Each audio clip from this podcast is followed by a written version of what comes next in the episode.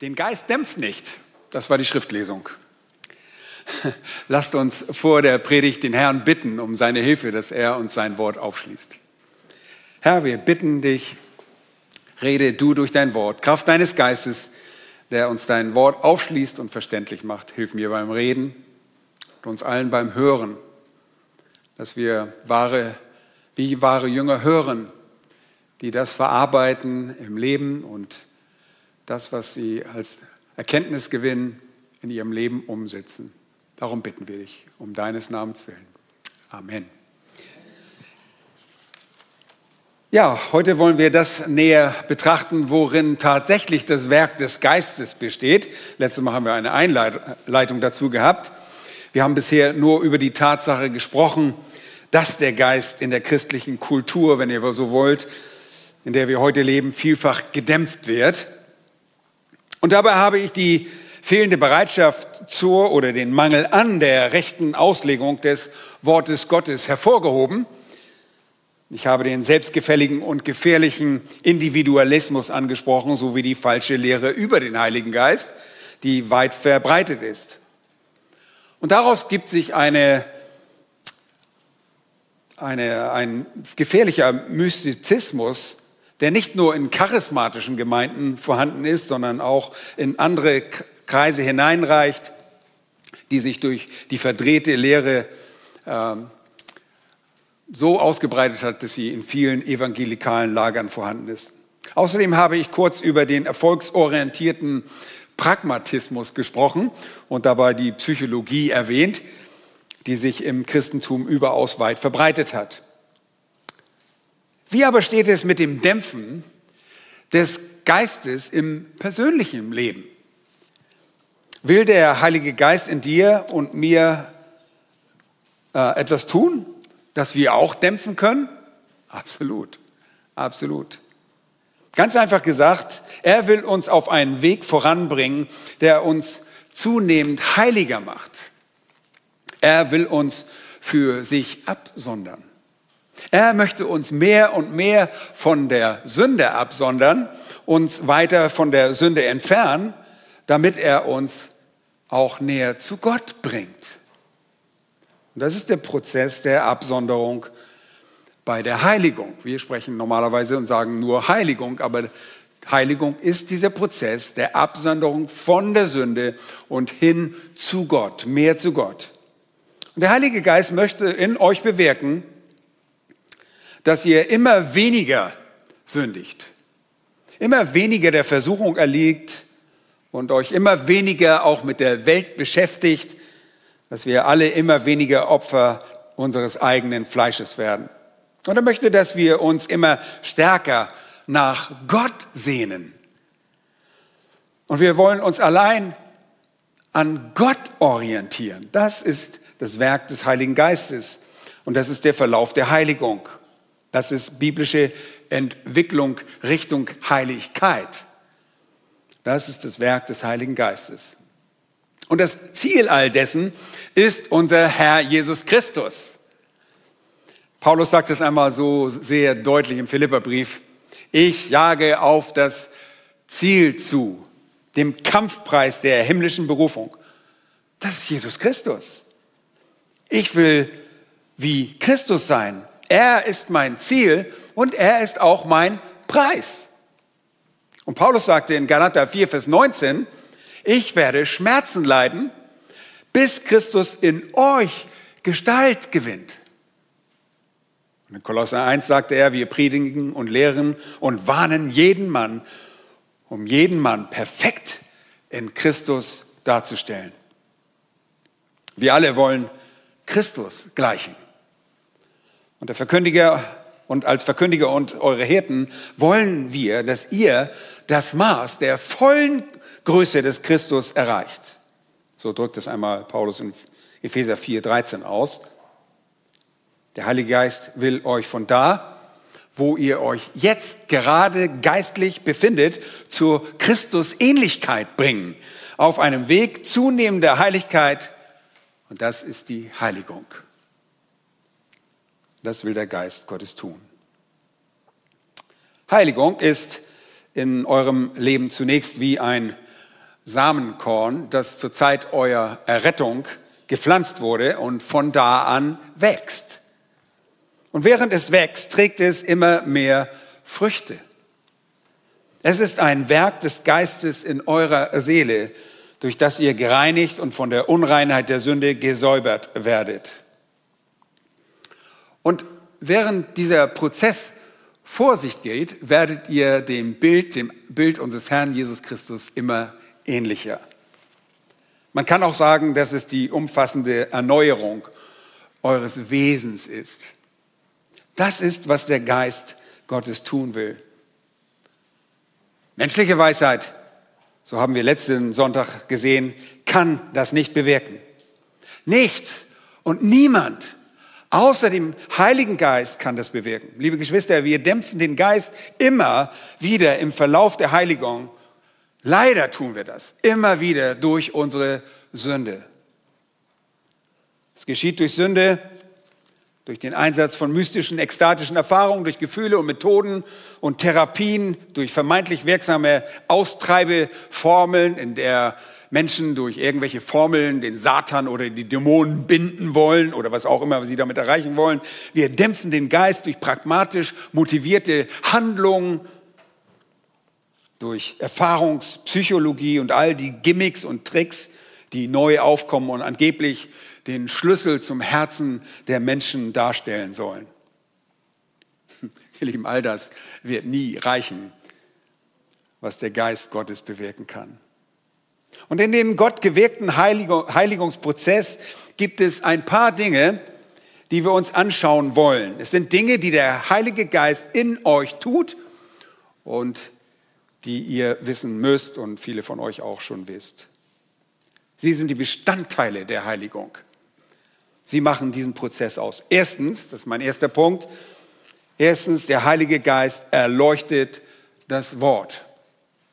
Der Heilige Geist erleuchtet das Wort. 1. Petrus 2, Vers 2 besagt, und seid als neugeborene Kindlein begierig nach der unverfälschten Milch des Wortes, damit ihr durch sie heranwachst.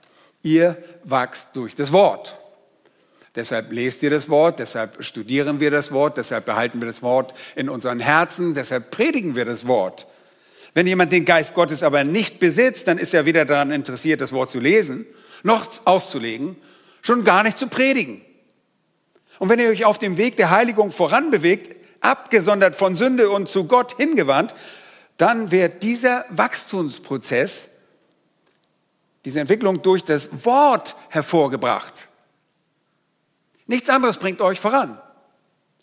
Und deshalb, ihr nehmt dabei, während ihr die, das Wort Gottes lest und studiert, nehmt ihr dieses Wort auf. Und deshalb sagte schon Mose, der Mensch lebt nicht vom Brot allein, sondern von einem jeden Wort, was aus dem Mund Gottes hervorgeht. Ihr ernährt euch vom Wort und dadurch wachst ihr. Und der Geist ist die ausführende Kraft des Wortes Gottes. Und ihr wisst natürlich, dass der Geist Gottes der Autor des Wortes ist, aber mehr als das in 1. Johannes Kapitel 2 und Vers 20 und 27 lesen wir, dass er als Salbung in uns wohnt, dass er eine Salbung ist und wir deshalb keine menschlichen Lehrer nötig haben in der Hinsicht, dass wir vom Geist Gottes belehrt werden, dass er uns die Tiefen des Wortes Gottes aufschließt. Mit anderen Worten verfasste der Geist nicht nur die Schrift, sondern er wohnt in uns als Erleuchter und Ausleger der Schrift. Klasse, ne? Wir haben einen Ausleger, der direkt in uns wohnt. Das ist so wichtig, dass wir das verstehen. Der Geist Gottes erschließt uns das Wort. Deshalb sagt Jesus in Johannes 14, 26 und später dann auch in Kapitel 16, den Versen 13 und 14, ich werde euch den Geist senden. Er ist der Geist der Wahrheit. Er wird euch in die Wahrheit führen. Er wird euch die Wahrheit zeigen. Er wird mich verherrlichen. Er wird von dem meinen nehmen und euch verkündigen. Und bitte schlagt einmal 1. Korinther Kapitel 2 mit mir auf. 1. Korinther Kapitel 2, wir werden da kurz verweilen. Dort wollen wir eine sehr wichtige Sache beobachten. Dort gibt Paulus uns in Vers 9 einen sehr gewichtigen Hinweis. 2 Vers 9. Und ich lese, sondern wie geschrieben steht, was kein Auge gesehen und kein Ohr gehört und keinem Menschen ins Herz gekommen ist, was Gott denen bereitet hat, die ihn lieben. Ja, ohne die Stelle formell zu zitieren, für Paulus die ersten beiden Zeilen des Zitats in Vers 9 und die letzte Zeile aus einem losen Verweis auf Jesaja 64, Vers 4 an, während die dritte Zeile offenbar ein Gedanke aus dem Alten Testament im Allgemeinen ist, den er nur zusammenfasst. Paulus bezieht sich auf Jesaja also. Und er schreibt in Vers 9, was kein Auge gesehen, kein Auge gesehen und kein Ohr gehört und keinem Menschen ins Herz gekommen ist. Und er sagte, was den bereitet, Gott den bereitet hat, die ihn lieben. Nun, lass uns mal vorsichtig nachdenken, was hier steht. Für diejenigen, die Gott lieben und kennen, hält Gott wunderbare Dinge bereit. Und das sind Dinge, die auf den Prozess der Heiligung, die sich darauf beziehen, Segen und Herrlichkeit. Gott hat diese Dinge vorbereitet. Bitte nehmt dabei zur Kenntnis, dass es zwei Arten gibt, auf die wir diese Dinge nicht kennen können. Erstens, man kann sie weder sehen noch hören. Das ist der erste Aspekt. Wir sagen deshalb, dass geistliche Realität, geistliche Wahrheit lässt sich nicht empirisch in Erfahrung bringen. Nicht mit der Methode der Beobachtung können wir diese geistlichen Dinge erfassen. Die geistlichen Dinge sind in unserer Welt nicht durch Beobachtung zu erkennen. Man kann sie weder hören, sehen noch hören. Und der menschliche Verstand kann diesen großen geistlichen Wahrheit nicht anhand wissenschaftlicher Methoden beikommen. Keine objektiv berechnende, wissenschaftlich wahrnehmende Methode kann diese Dinge hervorbringen. Das habt ihr sicherlich verstanden. Und darauf sind wir schon letzten Sonntag kurz eingegangen. Geistliche Dinge sind dem menschlichen Intellekt nicht anhand von menschlichen wissenschaftlichen Prozessen zugänglich. Sie können nicht empirisch mittels der Sinnesorgane objektiv ergründet werden. Zweitens, zweitens sind diese Dinge auch nicht irgendwie in euer Herz gekommen. Sie sind daher weder objektiv noch intuitiv zugänglich. Ihr könnt sie weder empirisch noch intuitiv erkennen. Ihr könnt nicht über ein Gefühl zur Wahrheit Gottes gelangen. Das gibt es nicht. Ihr sagt nicht, wie so viele Menschen, nun, ich weiß doch selbst, was ich glauben kann und fühle, was wahr ist. Irrtum. Das stimmt nicht. Ihr könnt die Wahrheit Gottes, äh, ihr könnt die Wahrheit Gottes, die euch wachsen lässt, nicht selbstständig erkennen. Das geht weder mittels externer Beobachtung noch durch eine interne Intuition. Gottes Wahrheit ist dem Menschen nicht zugänglich. Und der einzige Weg, wie wir sehen können, wird uns in Vers 10. Seid ihr noch im 1. Korinther Kapitel 2, Vers 10? Das wird uns dort beschrieben. Bitte schaut dort in eure Bibel. Da ist es, uns aber hat es Gott geoffenbart. Klasse, ne? Durch wen? Durch seinen Geist. Wunderbare Stelle. Aha, sagt ihr, der Geist Gottes ist also nicht nur der Verfasser der Schrift, sondern er erleuchtet die Schrift und macht sie für uns lebendig. Er offenbart die geistlichen Dinge für uns. Es gibt keine wirklich geistliche Erfahrung, die als eine emotionale Reaktion auf das eine oder andere Ende des Spektrums der Wahrheit entsteht. Diese sind vielmehr im Wort geoffenbart und werden in unserem Herzen durch den Geist zum Leben erweckt. Wenn ihr zum Beispiel einerseits eine geistliche Freude erlebt, okay, hört mal gut zu, dann singt ihr Psalmen und Lobgesänge und preist den Herrn in eurem Herzen, weil ihr von einem Gefühl des Wohlbefindens überwältigt seid. Okay, woher kommt dieses Wohlgefühl? Durch die Wahrheit, die ihr im Wort Gottes gelesen habt. Eure Emotionen dieser Freude, zum Beispiel darüber, dass ihr errettet worden seid, die sprudeln nur so aus euch hervor. Jeder, der, jeder Christ, der klar denkt und über seine Errettung nachdenkt, der ist freudig. Der kann nicht anders als freudig zu sein. Und der Grund dafür ist nicht irgendetwas Intuitives, das aus euch erwächst, sondern der Grund dafür ist die Tatsache, dass ihr die Wahrheit über eure Errettung kennt und wisst, dass ihr Kinder Gottes seid. Diese Wahrheit nimmt Einfluss auf eure Reaktion, weil der Geist Gottes diese Wahrheiten in eurem Verstand zum Leben erweckt hat. Und das wiederum weckt eure Emotion auf. Diese Emotionen entstehen also nicht irgendwo und niemals in irgendeinem Vakuum. Die kommen nicht irgendwie aus irgendeinem Gefühl heraus, das ihr selbst in euch habt. Vielmehr ist die Art emotionale Erfahrung, die nichts weiter als Emotionen von, in einem Vakuum, das sind wirklich keine geistlichen Erfahrungen. Okay?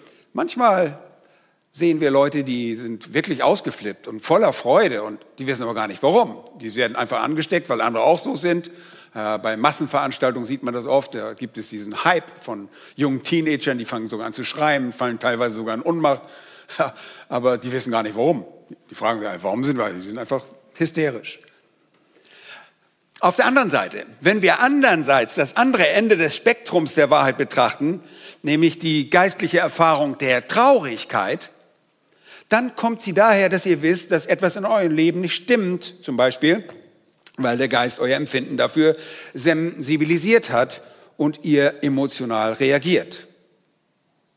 Auch hier kommt das nicht intuitiv sondern die Tatsache ist, dass etwas so ist, dass Trauer eine angemessene und vom Geist hervorgebrachte Reaktion auf eine erlebte Wahrheit ist. Ihr Lieben, der Geist Gottes als Salbung legt das Wort aus und wendet es auf uns an, während wir es sorgfältig studieren.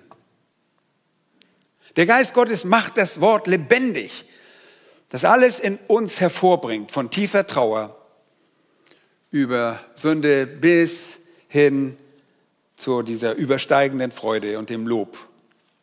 Dieses berauschende Gefühl über die Wahrheit Gottes, dass wir Kinder Gottes sind. Das ist das Werk des Geistes. Und so bringt uns der Geist Gottes voran. Und das Wort steht im Zentrum all dessen. Im Psalm 19 lesen wir, dass das Wort die gesamte Person verwandelt. Das Wort macht den einfachen Menschen weise. Das Wort erfreut das Herz. Das Wort erleuchtet die Augen. Das Wort währt ewig. Das Wort bringt umfassende Gerechtigkeit hervor. Es bewirkt all dies. Und es wurde uns gegeben, um uns zu belehren, zu überführen, zu rechtzuweisen und zu erziehen. Ihr kennt den Vers aus dem zweiten Timotheusbrief, damit wir zu jedem guten Werk völlig ausgerüstet sind. Der Geist erweist sich als Verfasser und Ausleger des Wortes.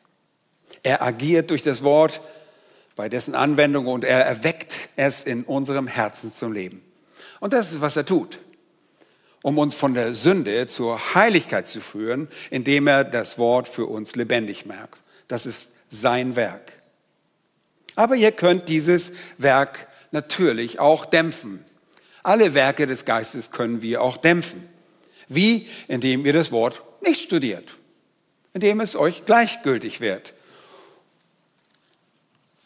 Ihr studiert es nicht, um euch bei Gott als bewährt zu erweisen, indem ihr die Schrift falsch handhabt und sie nicht recht schneidet, so wie Paulus es sagt, oder recht teilt, indem ihr die Schrift nicht mit Sanftmut annehmt, wie Jakobus sagt, sagt in Jakobus 1, Vers 21.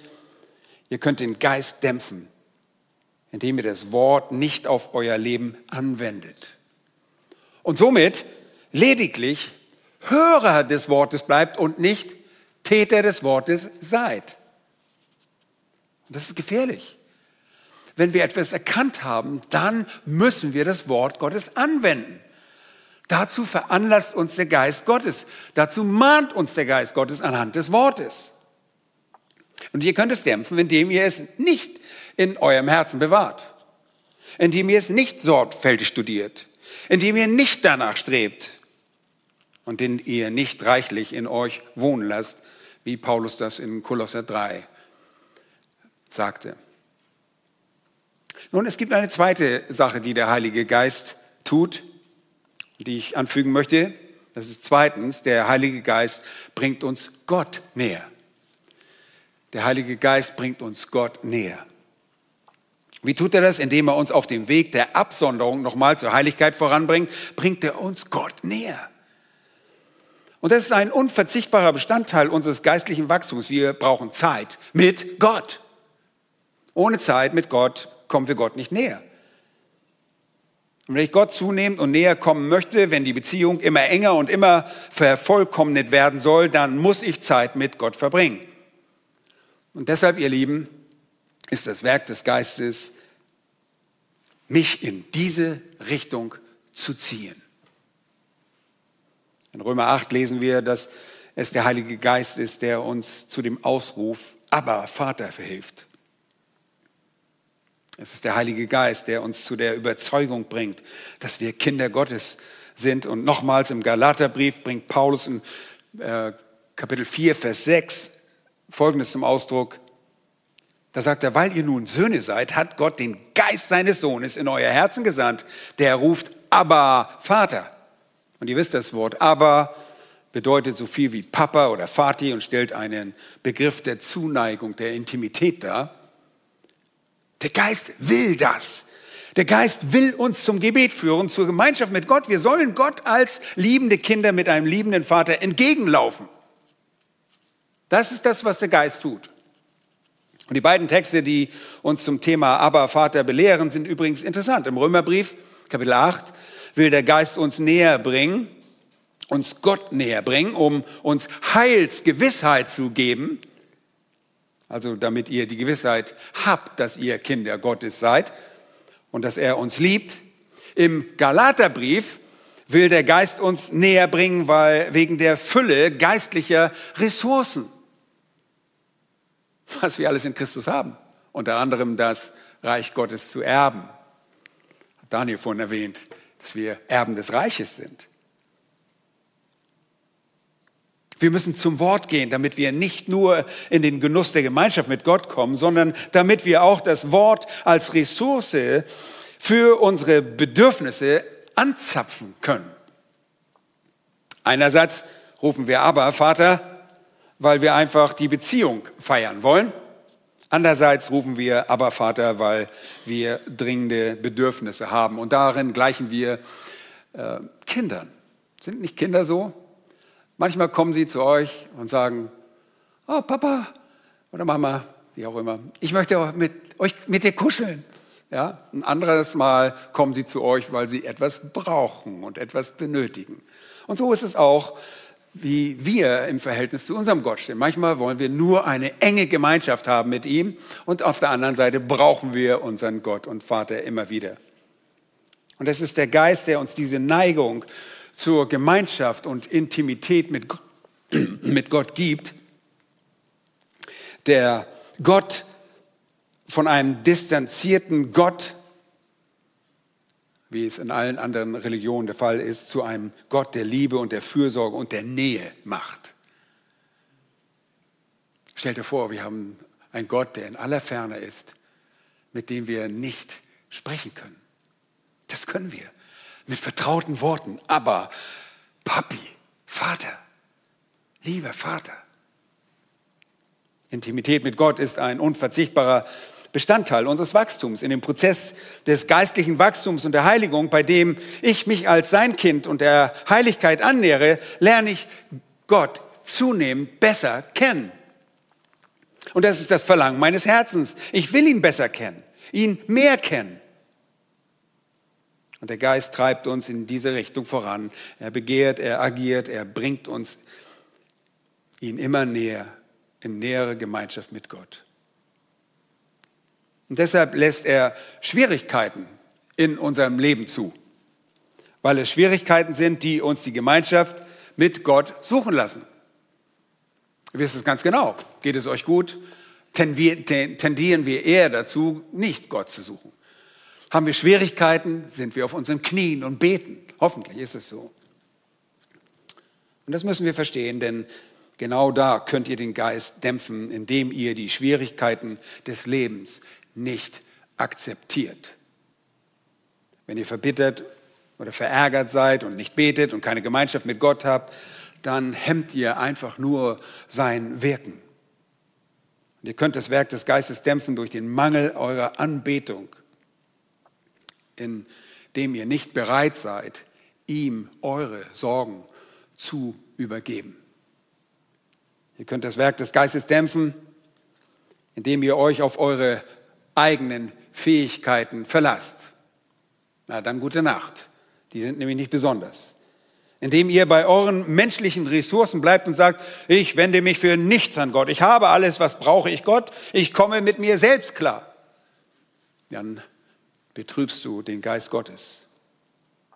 Und ihr könnt ihn auch dadurch dämpfen, indem ihr euch zwar zulänglich, unzulänglich fühlt, aber nicht auf Gottes Liebe vertraut und ihm nicht glaubt. All das und viele andere Gründe führen häufig dazu, dass ihr den Geist dämpft. Es gibt eine dritte Sache, die der Geist tut und die uns Christus ähnlicher macht. Drittens, der Geist verherrlichte, verherrlicht Christus für uns. Der Geist Gottes verherrlicht Christus für uns. Und das ist die zweite Seite der Verherrlichung, die Jesus auch in Johannes 16, Vers 14 angesprochen hat. Unsere Berufung ist es, Jesus zu verherrlichen, aber das geht nur wie durch den Geist, der uns zunächst Christus verherrlicht. Er zeigt uns den herrlichen Christus. Und vielleicht fragt ihr euch, warum tut er das? Nun, weil das Ziel eurer Heiligkeit darin besteht, so wie Christus zu sein. In Galater 4, Vers 19 sagte Paulus, er leide Schmerzen, bis Christus in euch Gestalt gewinnt. Es geht darum, so wie Christus zu werden. Lieben, wenn wir eines Tages ihm ähnlich erwachen, wenn wir ihn sehen, wie er ist, werden wir so wie er sein. Und wenn ich jetzt schon wie Christus werden soll, dann muss ich natürlich wissen, wie Christus ist. Und wenn wir in 1. Johannes 2, Vers 6, wie dort ausgedrückt, sagen, dass wir ihn lieben, dann sollten wir auch so wandeln, wie er es tat. Und das erfordert, dass wir uns hinsetzen und herausfinden, was tat Jesus? Was tut dabei der Geist? Er zeigt uns Christus. Er verherrlicht Christus für uns. Und in Johannes 15, Vers 26 und Kapitel 16, Vers 14 und 15 sagte Jesus, dass nach dem Kommen des Geistes dieser Zeugnis von ihm geben würde. Er werde Dinge von dem Sein nehmen und verkündigen. Und das wird er tun und das tat er dann auch. Er zeigte seinen Jüngern Jesus. Und er tut das heute immer noch. Er offenbart uns allen Jesus. Und Jesus sagte, ich bin gekommen, um den Vater zu offenbaren. Der Geist ist gekommen, um mich zu offenbaren. Er wird mich euch zeigen. Der Geist bringt immer allen wahren Jünger dazu, Jesus Christus Herrlichkeit beizumessen. Später heißt es im ersten Korintherbrief, Kapitel 12 und Vers 3, niemand, der im Geist Gottes redet, nennt Jesus verflucht. Er kann aber auch niemand, es kann aber auch niemand Jesus Herrn nennen, als nur im Heiligen Geist. Der wahre Jünger misst Christus immer Herrlichkeit bei weil der Geist immer nur Christus verherrlicht. Und so will er, dass wir auf die Herrlichkeit Christi blicken. Der Geist will, dass wir diejenigen, denjenigen sehen, der das Ziel unserer geistlichen Entwicklung ist. Er will, dass wir den erkennen, der der Preis unserer Nachfolge ist. Und in 2. Korinther 3, Vers 18, könnt ihr auch kurz mal hingehen, eine sehr bekannte Stelle, die wir auch oft ansprechen hier von dieser Kanzel. Dort in 2. Korinther 3, Vers 18 heißt es, wir alle, und das sind alle Christen, haben ein unverhülltes Angesicht.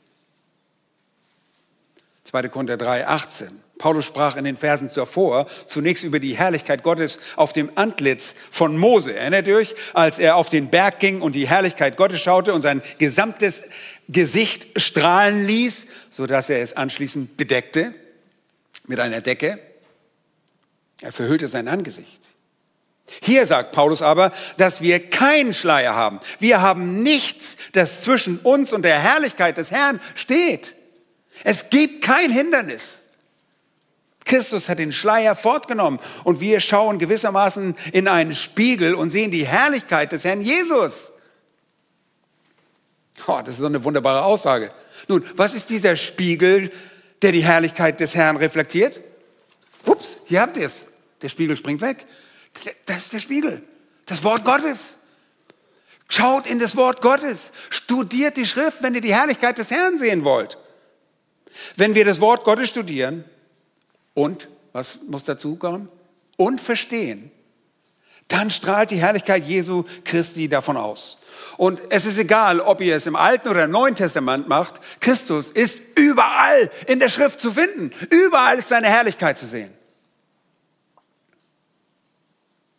Oh Lieben, wenn ihr das Wort Gottes unverschleiert betrachtet, weil ihr in Christus seid und wenn ihr gleichsam in diesen Spiegel schaut, der die Herrlichkeit des Herrn in eurem Angesicht reflektiert, wenn ihr das tut, dann werdet ihr in dasselbe Bild verwandelt. Seht ihr beim Studium von Gottes Wort und der Herrlichkeit des Herrn wird unser Herr Jesus Christus uns enthüllt, offenbart. Wir sehen seine Herrlichkeit. Und der Herr Jesus tritt sozusagen strahlend aus dem Spiegel des Wortes hervor. Und das nimmt Einfluss auf dein Leben. Das blendet uns manchmal fast.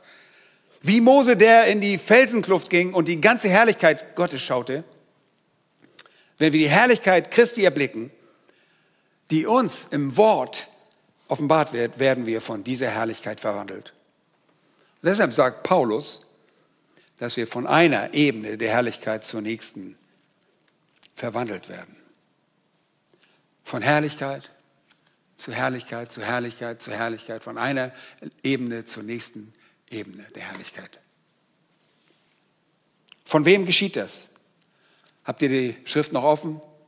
Schaut in Vers 18, da heißt es, nämlich vom Geist des Herrn. Das ist der Heilige Geist. Und deshalb ist es auch das Werk des Geistes. Das ist sein Werk. Warum würden wir das dämpfen oder hemmen wollen? Der Geist verwandelt uns. Das Wort verwandelt im Vers, in diesem Vers ist übrigens dasselbe Wort, das in Matthäus 17 mit verklärt übersetzt wurde. Und das beschreibt Jesus, als er auf dem Berg war und vor den Jüngern verklärt oder umgestaltet wurde. Und das war völlig außergewöhnlich. Die Herrlichkeit des Herrn erschien äußerlich auf dem Gesicht von Mose. Aber Jesus offenbart seine Herrlichkeit dem Innern des Menschen. Was Paulus hier sagt, ist beachtlich. Er sagt, als ihr Gläubige, als Gläubige seid ihr mehr wie Jesus als wie Mose weil die Herrlichkeit nicht außen ist, sondern innen. Ihr werdet buchstäblich innerlich verwandelt. Innerlich verklärt zu derselben Form von Herrlichkeit, die Jesus durch das Werk des Heiligen Geistes an den Tag legte. Und in diesem Prozess, bei dem der Geist euch auf dem Weg der Heiligung voranbringt, will er also erstens das Wort für euch erleuchten damit ihr wachsen könnt. Zweitens will er, dass ihr dem Vater näher kommt und damit auf dem Weg der Intimität voranschreitet, was euch wiederum wachsen lässt. Und drittens will er euch Christus in so strahlender Herrlichkeit offenbaren, dass ihr das Abbild des Herrn deutlich seht. Während ihr euch auf dieses Abbild konzentriert und in Wunder, Liebe und hoffentlich auch in Lob versunken seid, werdet ihr feststellen, dass der Geist Gottes euch unaufhaltsam auf dem Weg zur Christusähnlichkeit voranbringt. Preis sei unserem Gott dafür. Leider dämpfen wir auch dies häufig, indem wir einfach nicht das Wort studieren und indem ihr die Schönheit des Herrn Jesus Christus nicht wirklich versteht und deshalb auch nicht seht. Das geschieht, wenn ihr die Bibel lediglich nutzt, um all eure Probleme lösen zu wollen und nicht dazu, dass Christus durch sie offenbart wird. Oh ihr Lieben, wir sind fast besessen in der Christenheit. Wir wollen unsere Probleme alle lösen, aber wir verpassen die Herrlichkeit unseres Herrn. Das ist eine Akzentverschiebung in unserem Auftrag. Geht dabei, den Herrn zu erkennen und seine Liebe. Geistlicher Stolz und mangelnde Demut werden uns zurückhalten. All diese Dinge werden das Werk des Geistes dämpfen und betrüben. Wir betrüben es, wenn wir nicht demütig sind. Und dann sind wir so stolz, dass wir nicht zugeben, dass wir weit von der Herrlichkeit Gottes entfernt sind. Wir geben nicht zu, dass wir die Herrlichkeit dringend sehen müssen und dass wir von einer Ebene der Herrlichkeit zu der nächsten wachsen müssen. Und das dämpft den Geist.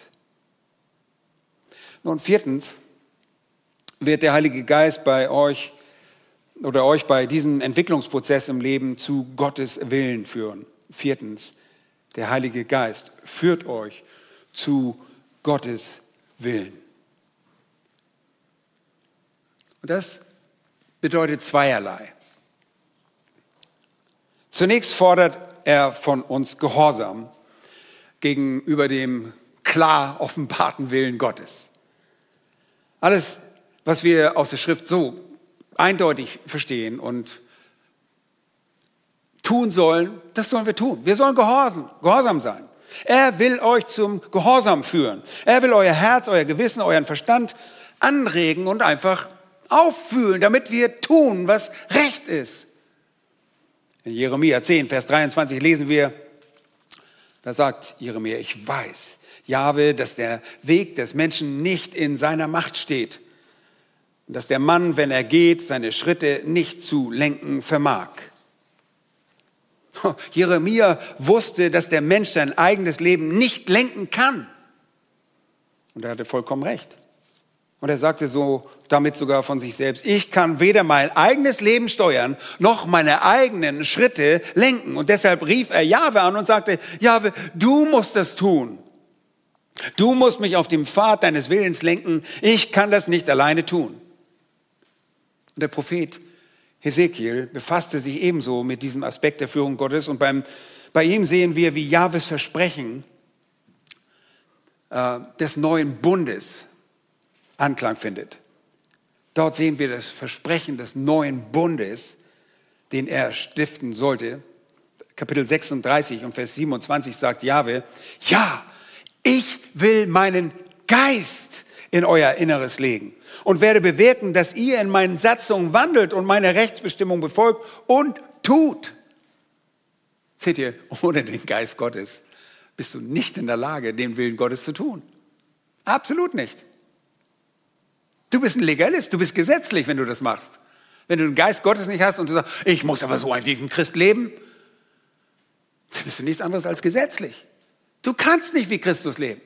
Du musst Christus erkennen und dann wird er in dir durch den Geist Gottes produzieren, dass du das willst und es tust. Ohne große Anstrengung. Und das ist die Antwort. Er sagt, ich werde euch, den Israeliten, meinen Geist in dem neuen Bund durch Christus geben.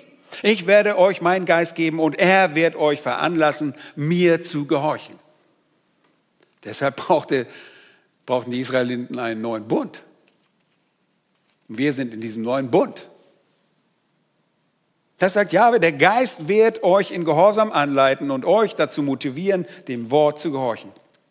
Im Psalm 143 und Vers 10 sagt David sehr eindrücklich, lehre mich tun nach deinem Wohlgefallen. Denn du bist mein Gott und dann dein guter Geist. Führe mich in ebenem Land. Okay, einerseits lehrt der Geist uns, dem Wort zu gehorchen. Andererseits, zweitens, und das ist der zweite Aspekt der Führung Gottes, führt er Geist uns auf ebenen Land. Dann sagt er, was heißt das denn schon wieder? Was bedeutet das? Nun, das ist das subjektive Werk des Geistes, das nicht direkt mit der Schrift zusammenhängt. Ah, subjektiv. Ja, dann ist das doch, dass ich Frieden habe, oder? Hast du doch letztes Mal gesagt, das, das ist nicht richtig. Wenn du sagst, ich habe Frieden und du handelst einfach. Nein, du kannst deinen Frieden haben, aber Frieden ist nicht der entscheidende Faktor, ob etwas Gott wohlgefällig ist oder nicht, sondern die Wahrheit ist es. Das Gefühl ist nicht entscheidend, sondern die Wahrheit ist entscheidend, ob etwas richtig ist. Der Geist führt uns dennoch so an und er treibt uns an, dem zu gehorchen, was in der Schrift offenbart worden ist, was geschrieben steht. Aber manchmal tue ich selbst das, was geschrieben steht, nicht unbedingt mit einem friedigen und wohlwolligen oder wohligen Gefühl. Ich tue es, weil es richtig ist und nicht, weil ich mich gut fühle, sondern ich tue, weil Gott es gesagt hat. Nun, andererseits geht auch das über der Schrift hinaus. Der Geist führt uns einerseits und treibt uns an, dem zu gehorchen, was, auf, was wir aus der Schrift kennen.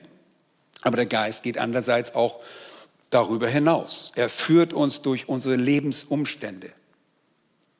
Und zwar in Bereichen, die nicht in der Schrift geoffenbart werden. Ja, gibt es denn sowas? Absolut. Die Bibel sagt dir zum Beispiel nicht konkret, wo du dienen sollst, wem du heute Gutes tun sollst. Das siehst du nicht in der Schrift. Ich meine, der Geist lässt dich nicht träumen, dass du Herrn Schneider heute helfen sollst. Das steht da nicht. Die Bibel sagt mir auch nicht, wann ich woanders predigen soll und was ich sagen, was ich dort sagen soll, wenn ich dort predige. Und so gibt es viele Situationen im Leben, im Leben unser aller Leben gibt es die, die durch die Führung des Geistes herbeigeführt werden. Und der Geist ist es, der uns einen ebenen Weg für uns schafft. Einmal die objektive Führung des Geistes wenn er uns anregt, dem Wort direkt zu gehorchen. Und die subjektive Führung des Geistes ist, wenn er uns durch Umstände und Vorsehung und durch die, wenn ihr wollt, Ansprache des Herzens herausfordert und uns auf einen Weg von Umständen und Gelegenheiten und Verantwortung voranbewegt. Okay? Du siehst, kommst vielleicht hier in die Gemeinde und du siehst, oh, da muss was gemacht werden. Da muss doch jemand anfangen. Ach, habe ich nicht in der Bibel gesehen, das kann, kann, nicht, der, kann nicht der Geist Gottes gewesen. Doch, das ist der Geist Gottes. Er zeigt dir, was gerade getan werden muss. Also, Mensch, der Mülleimer, der quillt schon so lange über, der muss mal rausgetragen werden. Ah, Herr, sende meinen Bruder, lass ihn den raustragen. Das kann jemand anders machen. Nein, das ist die subjektive Führung des Geistes, wo du weißt, tue Gutes. Und wenn du weißt, Gutes zu tun und du tust es nicht, dann betrübst du den Geist. So führt uns der Geist Gottes. Dafür gibt es eine sehr anschauliche Bibelstelle in Jesaja 30, die das sehr schön verdeutlicht. Jesaja 30 und Vers 20 und 21, da spricht Jesaja zum Volk Israel und er sagt, der Herr, das ist Adonai, hat euch zwar Brot der Drangsal zu essen und Wasser der Trübsal zu trinken gegeben. Mit anderen Worten sagt er, ihr habt zwar in der Vergangenheit Schwierigkeiten durchleben müssen. Ihr habt es nicht leicht gehabt. Aber heißt es dann weiter, dein Lehrer wird sich nicht länger verborgen halten, sondern deine Augen werden deinen Lehrer sehen. Und dann Vers 21. Und deine Ohren werden das hören, das hinter dir her so spricht. Dies ist der Weg, den geht, wenn ihr so zur rechten oder zur linken abbiegen wollt. Ist nicht interessant? Das ist die subjektive Führung des Geistes. Und ihr Lieben, es wird eine Stimme, wenn ich mal so sagen darf, in Anführungsstrichen, geben, die euch sagt, tut dies und unterlasst jenes. Ihr Lieben, das ist keine hörbare Stimme, aber ein starker Zwang oder ein Antrieb, während ihr euch im Wort befindet und betet, der Geist Gottes flüstert quasi eurem Gewissen, eurem Verstand etwas zu, dies tut, das tu nicht dies tut, geh in diese Richtung. Das ist es, was du tun sollst. Und ganz offensichtlich kann da auch viel Subjektives und Falsches hineingeraten. Deshalb müsst ihr in der Bibel zu Hause sein, damit ihr auch nichts Falsches tut. Es ist immer gebunden an das, an die Sachen, die Gott in der Schrift offenbart. Und er erleuchtet euren Verstand. Und er wiegelt gewissermaßen eure Herzen auf dass ihr diese Dinge tut oder sie unterlasst. Befiehl Jahwe deinen Weg und vertraue auf ihn, so wird er es vollbringen. Und der Geist wird euch um Hindernisse herumführen und den Weg ebnen. Und selbst die Hindernisse, die da sind, die stellt er dahin. Und schon ist euch alles Murren und alle Undankbarkeit und Unzufriedenheit genommen. Wenn ihr richtig denkt, dann ist es unmöglich. Deshalb sollen wir in allem dankbar sein. Wir sollen uns immer freuen. Wir sollen immer mit ihm reden. Das ist alles, was man braucht. Ist es nicht wunderbar, was hier die Thessalonicher in so wenigen Sätzen alles lernen können? Oder ihnen das zusammengefasst noch einmal präsentiert wird? Und so beinhaltet der Prozess der Heiligung Entwicklung und das bedeutet, dass ich Gottes Willen tun muss. Und das heißt, der Geist motiviert mich zuerst, dem Wort Gottes zu gehorchen, indem er mich überführt und manchmal auch züchtigt, wenn ich die Dinge nicht so tue, wie ich es tun soll. Und dann regelt der Geist Gottes die Vorsehung meines Lebens. Alle Ereignisse, alle Umstände, und er flüstert meinem Gewissen durch meine Herzenswünsche etwas zu und lenkt mich in die Richtung, die ich gehen soll. Seht ihr, wie wichtig ist, dass wir dann nah beim Herrn sind? Und all das bewirkt der Geist Gottes. Leider, ratet mal was, auch das könnt ihr dämpfen. Auch das könnt ihr hemmen. Zum Beispiel kann ich das durch meinen Egoismus. Ich will aber das tun, was mir gefällt. Und ich will es auf meine Weise tun. Ich will diesem Gebot nicht gehorchen. Ich bin nicht daran interessiert. Ich werde diesen Dienst nicht übernehmen. Gar nicht so weit hergeholt, oder? Eigensinnigkeit, Starrsinn, Stolz, Apathie, Gleichgültigkeit, mangelnde Sensibilität für seine Führung dämpfen dann in solchem Fall den Geist Gottes. Wenn ich Gott nicht einmal im Gebet suche, dann werden diese Dinge gewiss den Geist Gottes dämpfen. Nun, wir kommen zum letzten Punkt. Fünftens, stärkt er uns von innen. Der Heilige Geist stärkt uns von innen. Er ist unsere innere Kraft. Der gesamte Prozess der Heiligung, der benötigt Stärke. Nicht von außen, Sonst würde ich mir ein paar starke Batterien kaufen oder was immer. Nein, wir brauchen innere Stärke. Wie wir gerade gesehen haben, liegt es nicht in der Hand eines Menschen, seine eigenen Schritte zu lenken. Und wie Jesaja, nicht Jesaja, Sacharja es sagte, so haben wir nicht die Stärke dazu. Er sagt, weder durch Macht noch durch den Geist, sondern durch wen? Meinen Geist, sagt Jahwe Zebaoth. Sacharja 4, Vers 6.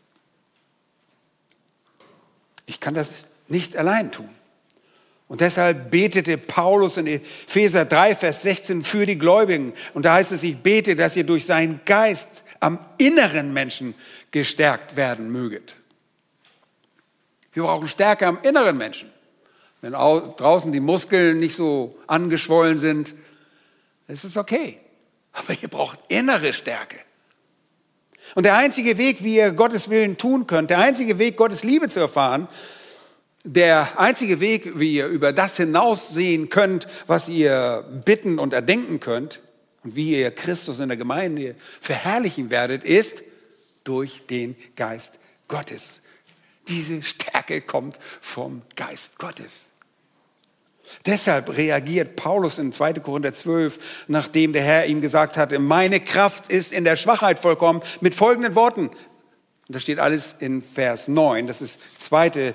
Korinther 12 und Vers 9. Deshalb sagt er, darum will ich am liebsten viel mehr meiner Schwachheiten, mich meiner Schwachheiten rühmen, damit die Kraft des Christus bei mir wohne. Wer ist denn die Kraft des Christus? Der Heilige Geist. Diese Kraft des Christus kommt vom Heiligen Geist. Und so füllt uns er uns mit Stärke, wenn wir im Wort Gottes sind, wenn wir beten, wenn wir ihm gehorchen, selbst wenn wir Prüfungen im Leben durchleben. Und wir übergeben alles ihm. Denn er ist alles, was wir haben. Bei ihm finden wir die Stärke.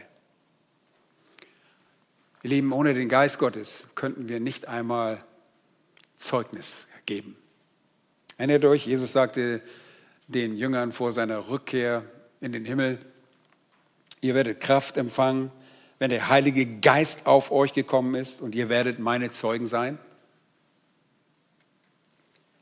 Ohne seine Kraft könnten wir die Sünde nicht besiegen, weil das Fleisch selbst nicht dazu in der Lage ist. Ihr Lieben, das Fleisch kann das Fleisch nicht selbst bezwingen. Nur der Geist Gottes kann es bezwingen. Wir könnten Satan nie besiegen. Und deshalb sind unsere Waffen zur Kriegsführung nicht fleischlicher Art, sondern geistlicher Art. Mächtige geistliche Waffen, die uns vom Geist verliehen werden. Und ihr könntet niemals Heilsgewissheit haben, denn unser Heil wird uns durch das Siegel des Geistes garantiert. Ohne die Kraft des Geistes könnten wir niemals effektiv zur Ehre Gottes dienen. Ihr könntet Gott nicht mit Psalmen und Lobliedern und geistlichen Liedern loben. Das wäre nur ein Geplapper, ein gesungenes Geplapper. Und in euren Herzen könntet ihr nicht spielen, denn das wäre nur ein äußerliches Ritual, wenn ihr nicht mit dem Geist Gottes erfüllt wäret.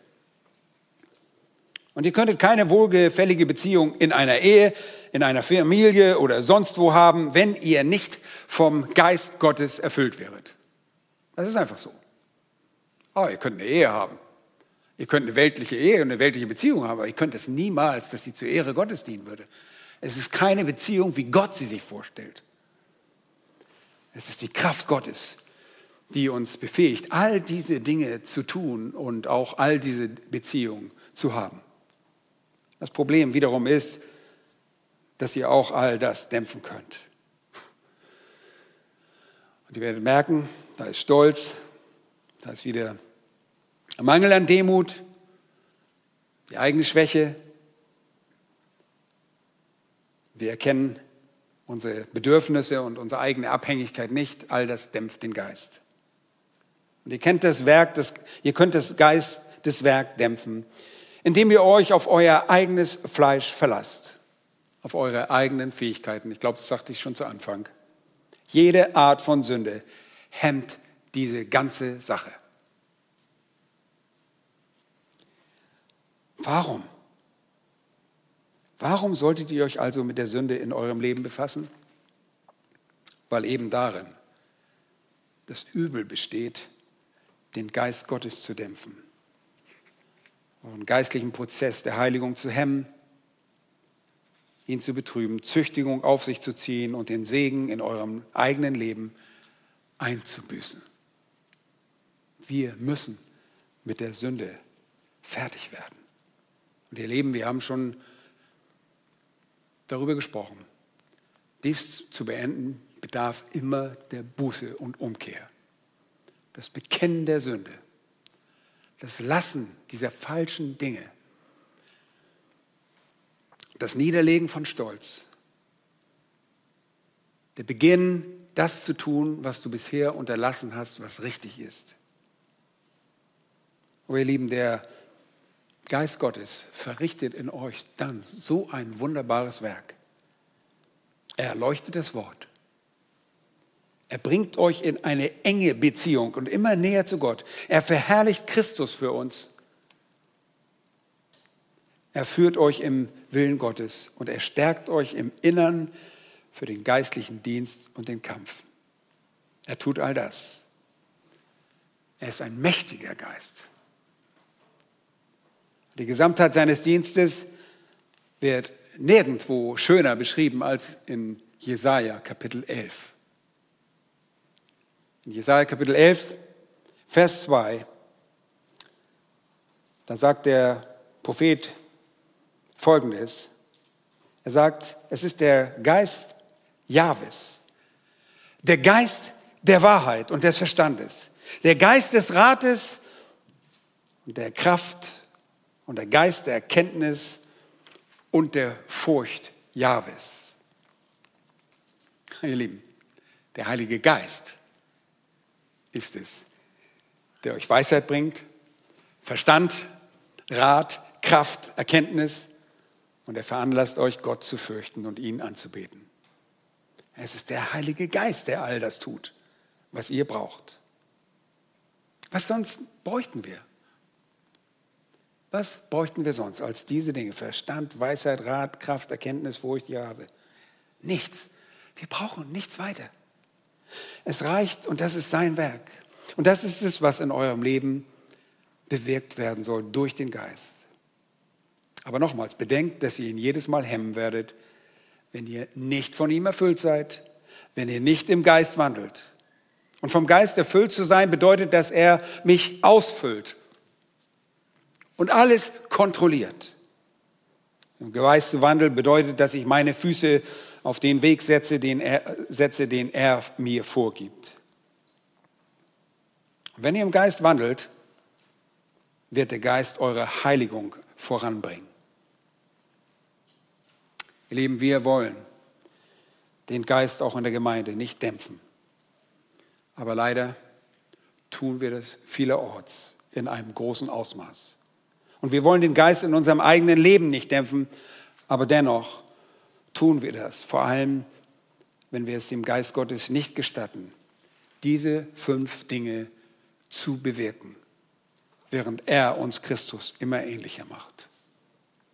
Nun möge der Herr dir helfen, dir und mir helfen, treu zu sein und den Heiligen Geist weder zu dämpfen noch zu betrüben. Lass uns beten. Herr, danke für dein Wort dass du uns gleich auch durch deine Kraft, durch deinen Geist aufgeschlossen hast und aufschließen willst, dass wir mehr und mehr wachsen, mehr und mehr erkennen von deiner wunderbaren Herrlichkeit, von der Summe aller deiner Vollkommenheiten dürfen wir lesen und erkennen aus deinem Wort. Oh, was brauchen wir mehr, als zu wissen, dass dieser Gott in uns Wohnung genommen hat, und der jetzt Kraft seines Geistes in uns wirkt, bis wir zu diesem Ziel kommen, dir gleich zu sein. Wir wollen dir ähnlicher werden. Herr, und wir realisieren, dass wir auf dieser Seite der Ewigkeit das nicht erreichen werden, aber wir jagen diesem Ziel nach. Und wir wollen diesen Preis haben, dich, Herr Jesus Christus, zu sehen und deine Herrlichkeit von Angesicht zu Angesicht. Und schon jetzt dürfen wir sie sehen auf den Seiten der Schrift. Oh, wie wunderbar. Vergib uns unsere Faulheit, wenn wir dein Wort nicht studieren, nicht daran lesen, wenn wir dich nicht im Gebet suchen. Wie viel Heil geht verloren, wie viel Herrlichkeit verpassen wir. Wir bitten dich, lieber Geist, dass du uns weiterführst und mehr umgestaltest, dass du dein Werk in uns fortsetzt Danke, Herr Jesus Christus, dass der Geist Gottes gemäß deiner Verheißung uns nicht verlassen wird, dass wir als deine Kinder niemals Abtrünnige sein werden. Wenn wir wahre Jünger sind, wirst du uns zum Ziel bringen. Dafür loben wir dich und preisen wir dich und geben dir allein die Ehre. In Jesu Namen. Amen.